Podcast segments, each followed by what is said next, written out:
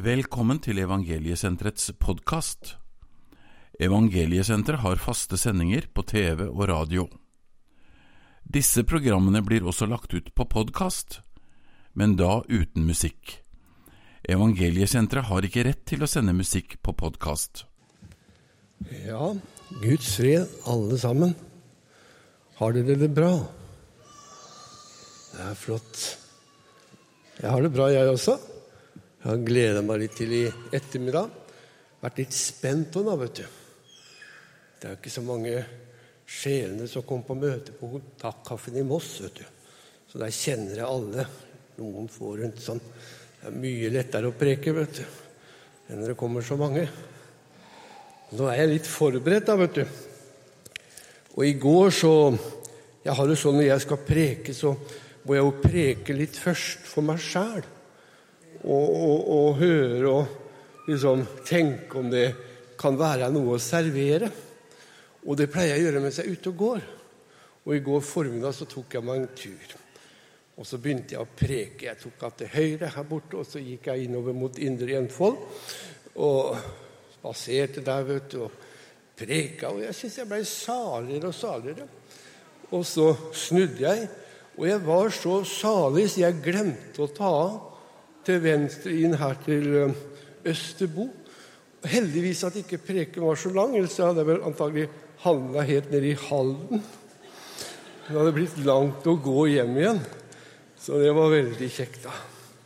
Det er ikke så ofte jeg har en overskrift over disse vitnesbyrdene.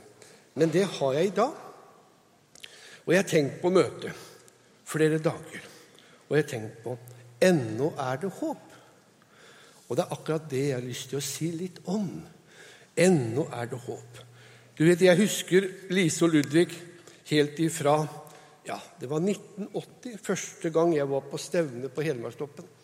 Da var vi sammen i bønnemøte sammen med Ragna. Jeg husker den tida der. Det var en spennende tid. Og det var noe spennende med Ludvig. Og allerede da husker jeg folk pratet litt om han, og de peka litt på han. Det var en veldig spennende tid.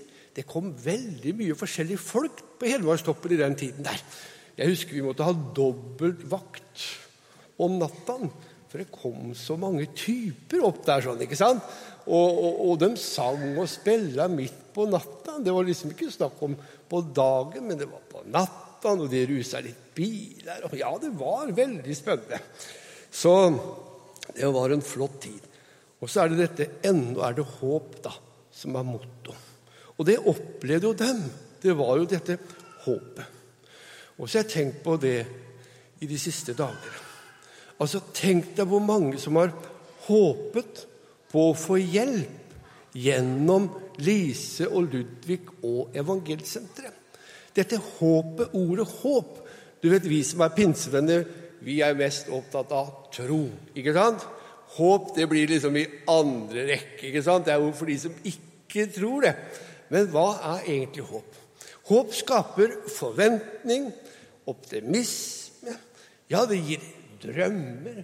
Det skaper fantasi. Altså, Håpet vet du, det kan sette enormt ting i brann. Og jeg er veldig glad for håpet. For jeg håpa veldig mye i mitt liv. Og det har i grunnen vært spennende. Og de opplevde håpet, og ennå blei det håp. Men så blir det sånn, da. Kan folk håpe noe av oss? For det hele, hele handler jo om Gud. Lise og Ludvig de kunne jo ikke gjøre stort. For det var jo ikke rart de kunne, ikke sant, når vi tenker på bakgrunn. Men tenk, etter hvert så var det flere og flere folk som håpet på. Og jeg er overbevist om at det er tusenvis av mennesker som har sagt til Lise og Ludvig og Evangelsenteret jeg håper dere kan hjelpe oss. Altså, jeg håper dere kan hjelpe oss. Ja, vi kan jo ikke hjelpe. Det er jo bare Jesus. Ja, er det det? Jesus frelser. Det er bare han aleine som kan frelse. Men så er det da dette håpet om å kunne være til hjelp. Og det er det jeg har lyst til å si litt om i dag. For du vet, Vi møter mange mennesker, og det er jo ikke bare rusmisbrukere som har det vanskelig i samfunnet i dag. Det er mange mennesker som sliter. Det er mange mennesker som faktisk trenger dette håpet som vi snakker om, og som vi kjenner til. Men så har jeg lyst til å åndeliggjøre det litt. For noen ganger syns jeg Jeg har jo vært pastor og holdt på med mennesker i mange år. Og jeg tenker at håpet det gjør jo ikke til skamme. Og faktisk så har jeg bibelsk dekning på det. For det står det i Romerne 5.5.: Håpet gjør ikke til skamme, for Guds kjærlighet er blitt utøst i våre hjerter ved Den hellige ånd, som ble gitt oss. Altså, det forteller meg at vi har fått et håp. Det er nedlagt noe i oss som vi skal bære videre. Og da er det jo riktig som Paulus sier, da, at vi er sendebud i Kristi sted. Tenk på det, du.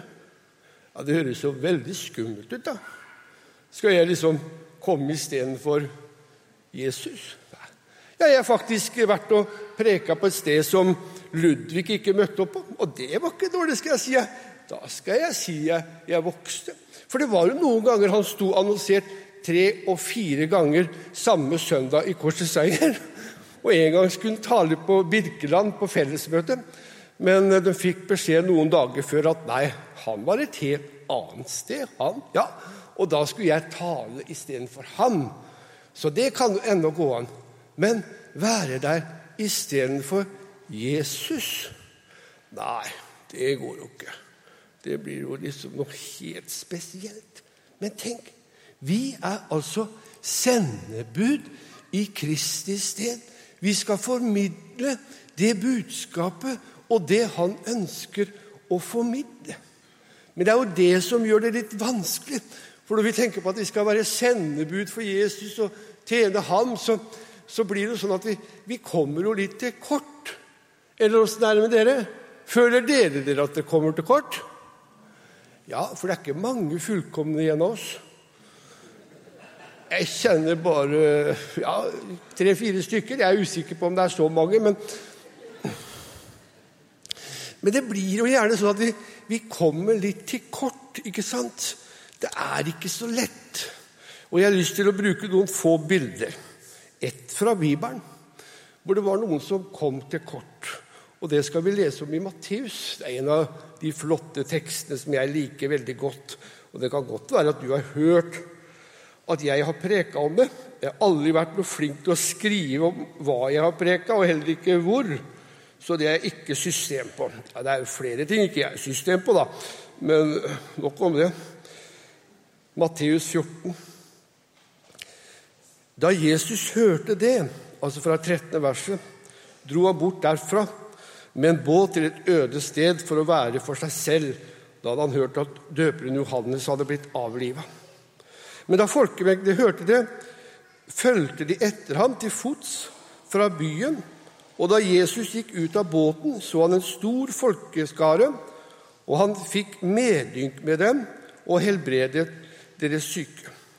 Da det ble kveld, kom disiplene hans til ham og sa:" Dette er et øde sted, og det er allerede blitt sent. Send folkemengden bort, så de kan gå inn i landsbyen og kjøpe seg mat. Men hør nå. Men Jesus sa til dem, de trenger ikke å dra bort. Dere skal gi dem å spise. Aha. Jeg vet ikke om du kan se for deg denne kvelden. Jeg har sett det på meg flere ganger. Når Jesus talte og var engasjert, så var jo folket opptatt. De var opptatt av å høre på Jesus. Det var det som engasjerte dem. Mens disiplene de, ja, de var jo litt opptatt av alle disse folka. vet du. Det var jo masse mennesker.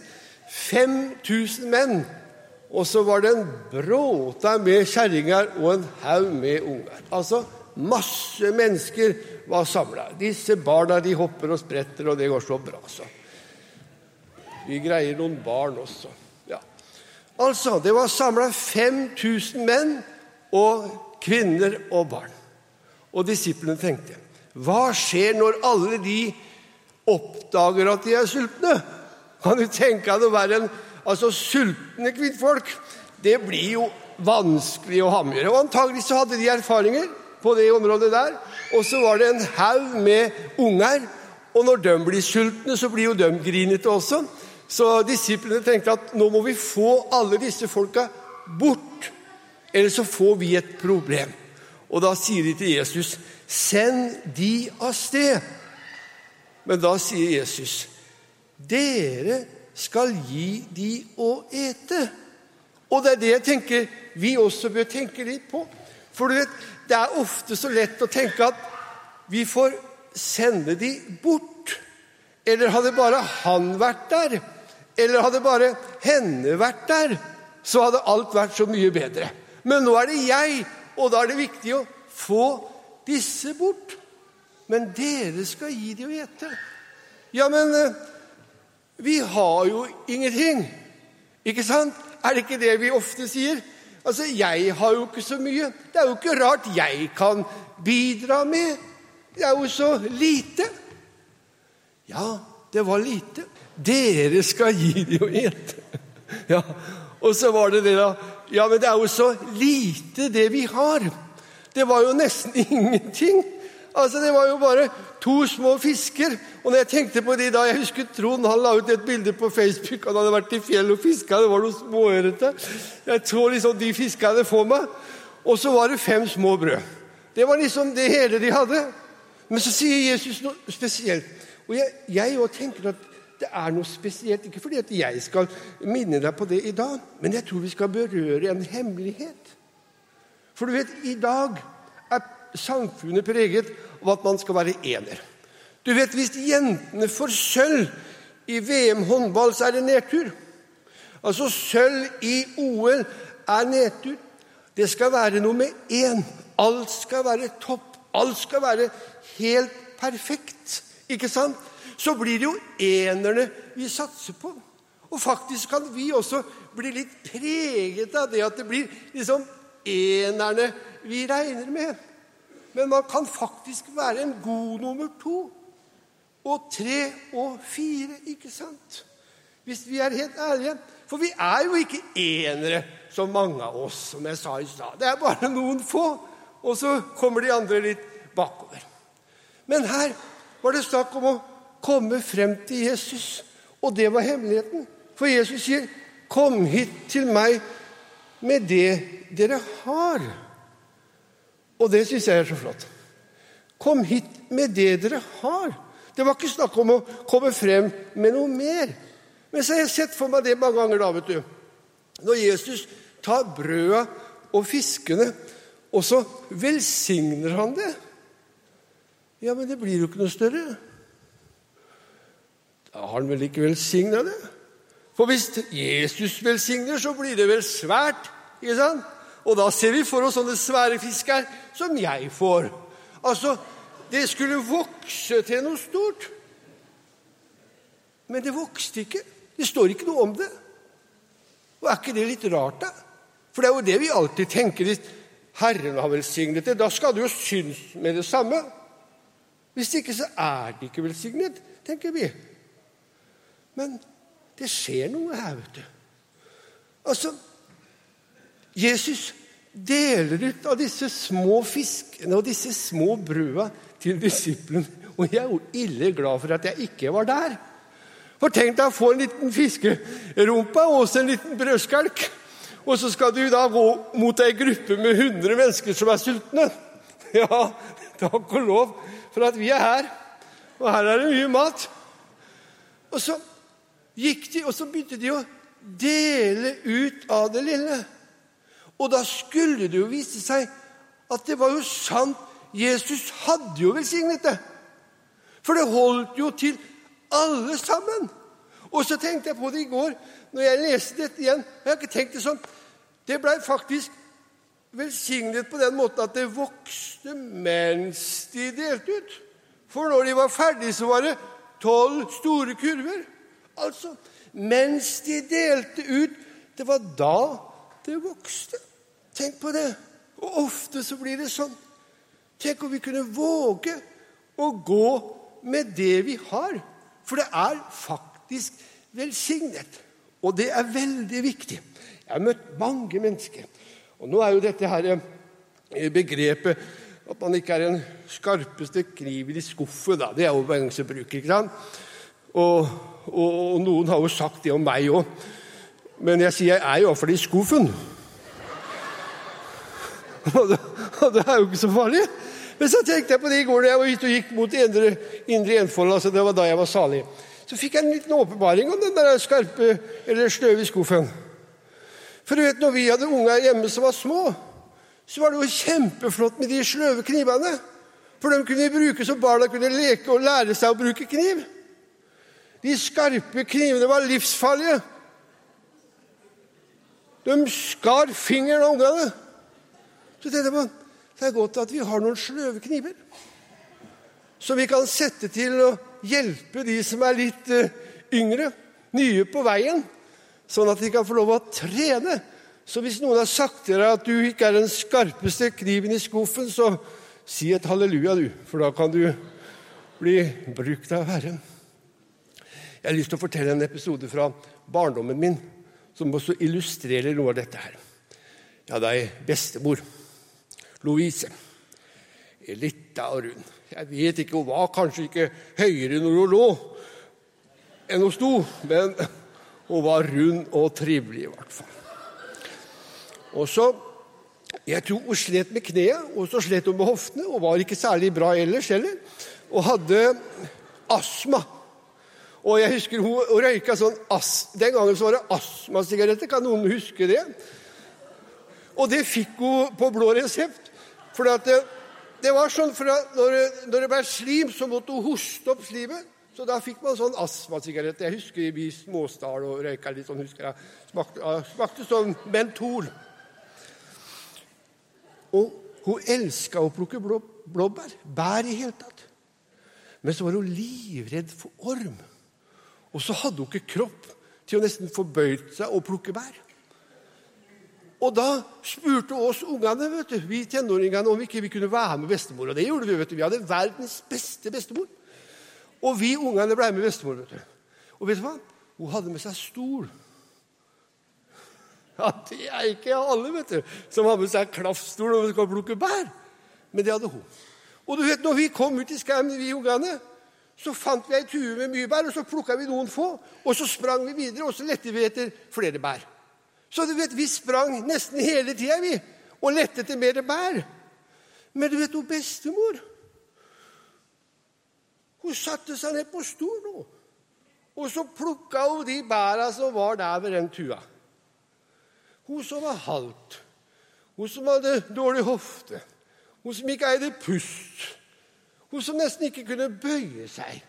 Du vet, Og når vi hadde holdt på en tre-fire timer så måtte vi hjelpe bestemor å bære hjem alle bæra hun hadde plukka. Hun hadde jo bøttene fulle, mens vi andre hadde jo bare lite grann. Hvorfor? Fordi vi hadde jo sprunget rundt og lett etter mer. Underlig, vet du. Og jeg kjenner mange, og noen ganger faller jeg i det der sjøl. Vi springer rundt og leter etter mer og mer og bruker energi som bare den. Istedenfor å sette oss ned og bruke og ta av det vi har. Tenk om vi kunne lære det. Og tenk om vi kunne bli enda sterkere på det. Vi som er kristne også. Vi som er troende, vi som er sendebud i Kristi sted. Vi som skal hjelpe andre mennesker. Tenk om vi kunne bruke av det som Gud har gitt oss på forskjellige måter. Kan være til velsignelse. Det var en som sa i stad ute på teltet at han skulle heie på meg i dag, sa han, jeg skulle preke. Og da måtte jeg bare si et halleluja. Kan du tenke deg noe bedre å bli heia på, gitt? Og, og Monica hun skrøt litt av meg her også. Jeg elsker å bli skrøt av.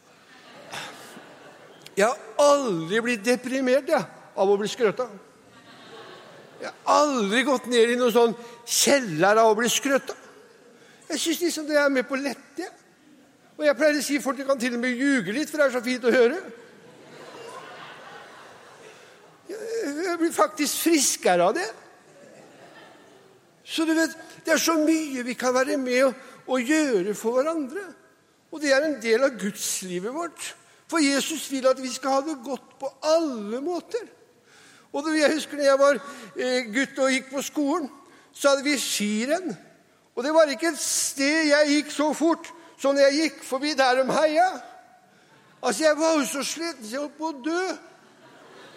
Men når jeg kom til heiagjengen, så fikk jeg ny kraft, og jeg gikk på ski alt jeg kunne. De heia. Venner, vi skal være med og heie hjelpen. Vi skal bruke de gavene som Gud har gitt oss. Han har jo fylt oss med den kjærlighet og den ånd fordi vi skal dele det med hverandre. Være til oppmuntring. Og så kjenner vi at vi blir salige. Og det er ikke farlig. Jeg har ikke tatt livet av meg. Nei, det å bli salig. Og så kan man være smittebærere, vet du. Det er jo ikke bare forkjølelse og sånne ting vi skal smitte hverandre med. Nei, vi skal jo smitte hverandre med glede også. Oppmuntring. Tenk, bestemor. Denne skrøpelige Den gangen var hun ille gammel også. Da, da var hun like gammel som de er nå. Og det er jo, ja, ja, Nå er jo ingen som tror at jeg er 60 år, da.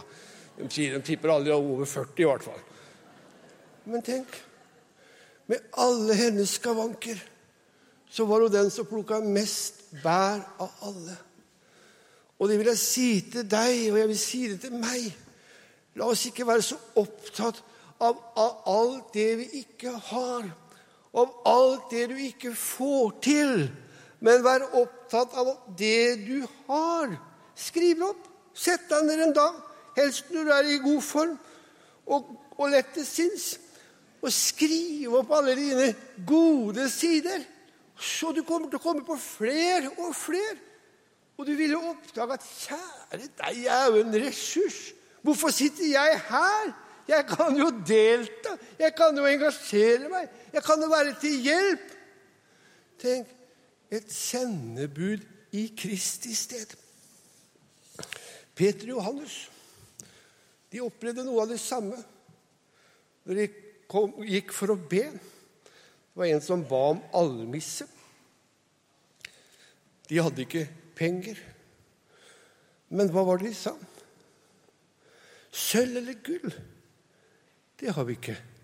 Men det vi har Jeg syns det er så flott. Ja. Det er antagelig fordi jeg ikke er den skarpeste kniven. Så bruker jeg antagelig det, da. Men det gjør jo ingenting. Jeg har jo gått. Nå har jeg hatt ferie og vært ute og fiska makrell. Og I dag har jeg fått besøk av Inger Lill. Jeg kan jo ikke ha det bedre, jeg. Er det så farlig om Ja, ja, nå pleier jeg å si jeg har høyskole, da. Det er jo flere som har hørt vitnesbyrdet mitt. Jeg lærte jo å lese og skrive når jeg blei frelst, og det var når jeg var 21 år. Jeg lærte jeg kunne slundre litt igjennom ei sånn cowboybok, men jeg husker aldri hva jeg hadde lest. da. Og ikke kunne jeg lese særlig heller. Men jeg har jo lært meg det etter hvert. Og hva er det så farlig da, om det er noe jeg ikke kan? For noen mener at jeg er veldig dyktig. Jeg har ikke begynt å skryte nå. Jo, de sier det. Noen sier at jeg er veldig dyktig, og det er jeg helt enig i. Og jeg tenker liksom Når skal jeg bli oppdaga, liksom?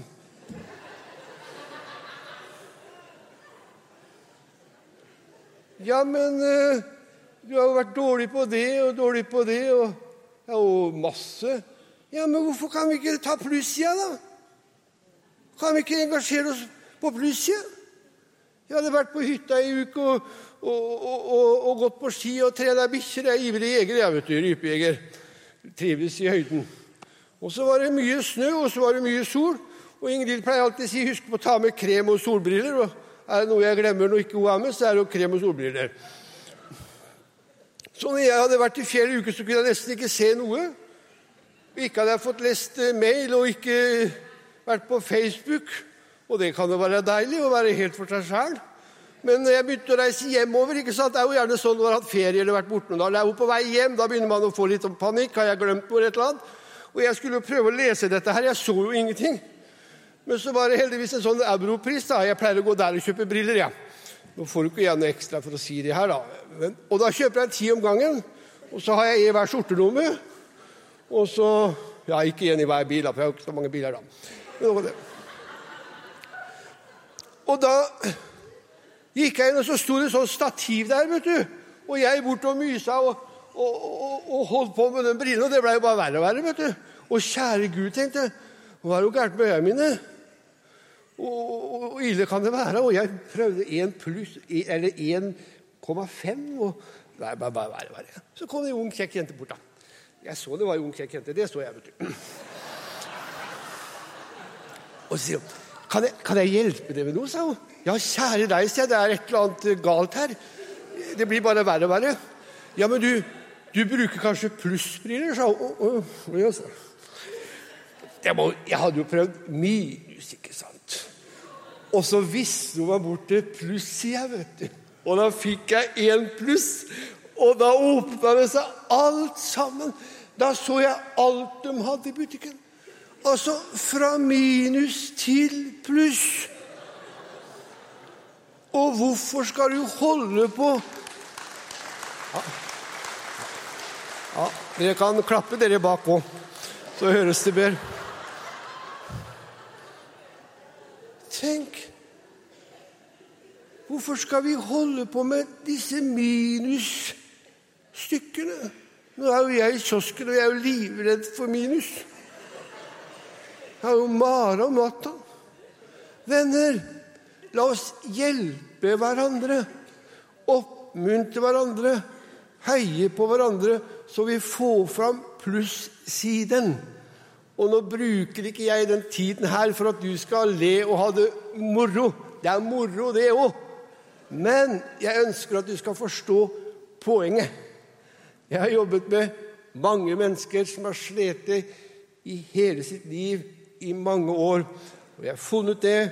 Kan man få være med å oppmuntre, heie og hjelpe, så viser det seg det at det kan skapes mennesker ut av ingenting. Ennå er det håp. Og det ønsker vi i senteret, og det gjør vi på Kontaktkafeen. Der kommer det mennesker som er slitne, og da gir vi dem mat. Og nå som jeg er blitt kjent med Stian, så får vi masse mat. Stian, du er en knakende kjekk kar. Og det sier jeg ikke bare for å sitte på første benk. Han ringer hver tirsdag og torsdag til meg og sier 'Nå har vi fått den maten, og nå har vi fått den maten.' Og så sender han maten til oss på Kontaktkafeen. Så deler vi ut, og så gir vi bort noen klemmer. Og så smiler vi, og så skryter vi. Og der vi får sjans, forteller vi noe om Jesus. Men du vet, det er ikke alltid bare ord. Nei da. Så flott å se deg. En god klem, en oppmuntring. Det skaper noe. Så venner, la oss være ved godt mot. Det er ikke så ille med deg som det ser ut til. Det er ikke det, skjønner du. Hva var det jeg leste? Jo, håpet gjør ikke til skamme, for Guds kjærlighet er blitt utøst i våre hjerter ved Den hellige ånd, som ble gitt oss. Og det som vi har fått, det skal vi være med og dele ut. Monica om ta ettermøte. Jeg har preka lenge nok nå. Ja, jeg begynner å bli småsulten nå. Jeg pleier å si det er, jeg pleier å ville preke der det er mat etterpå. For om preken ble dårlig, så kan man hvert fall tenke på at det blir mat etterpå. Og det i seg sjøl blir jo en liten oppmuntring, ikke sant? Så da blir det ikke så ille likevel. Men når vi skal ha ettermøte nå, så hadde jeg lyst at vi skulle be for deg som kjenner behov av å kunne formidle det du har. Så vi skal ikke dele ut så mye nytt i dag. Vi ønsker å velsigne det som allerede er der. Vet du hva? Du har så mye i ditt liv som kan være til velsignelse for andre. Og på den måten så skal vi, du og jeg, evangelsenteret, vi skal vise at vi er samfunnsengasjerte. Man behøver ikke ha all verden for å hjelpe den ene, den kan du og jeg. Tenk, vi kan være med å skape en forvandling. Det er ille bra, vet du. Tenk at vi kan det. Hvordan? Jo, med det vi har fått. Det gir vi, og så blir det til forvandling. Nå er det jo ikke mange sangere. Jeg kunne selvfølgelig tatt, tatt en sang, jeg, da. Men uh, det hadde ikke blitt uh, ettermøte. Da hadde ikke folk kommet hit. Da hadde de trukket den veien. Så...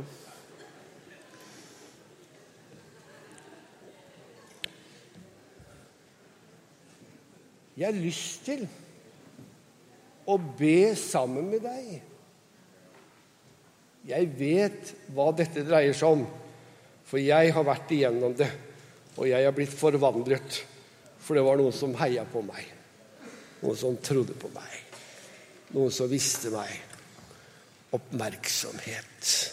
Og det forvandlet. 25 år, da sa de på trygdekontoret, som het da, at vi gir deg 100 ufør. For uh, det nytter ikke med noe videre eller noe ny utdannelse eller på deg. Jeg hadde jo ingen utdannelse. Jeg hadde ødelagt meg i ryggen. Og jeg hadde LG. Vi kalte det læreren. Gratulerer, vi. Så bestemor trodde det skulle bli noe stort om meg. Men nok om det. Så jeg vet hva dette her er. Jeg har gått igjennom det. Men Herren frelste meg, og jeg blei ikke ufør. Det var noen som hadde bruk for meg. Guds menighet er jordens største under. Jeg fikk være en del av fellesskapet. Jeg fikk en heiagjeng som så meg, og som hjalp meg. Og ga meg styrke i mine føtter og i mine armer. Og jeg fikk lov å tale og være til hjelp enn å være håp. Flere kan være med. Du er selvfølgelig allerede med i en tjeneste, men enda mer kan vokse frem.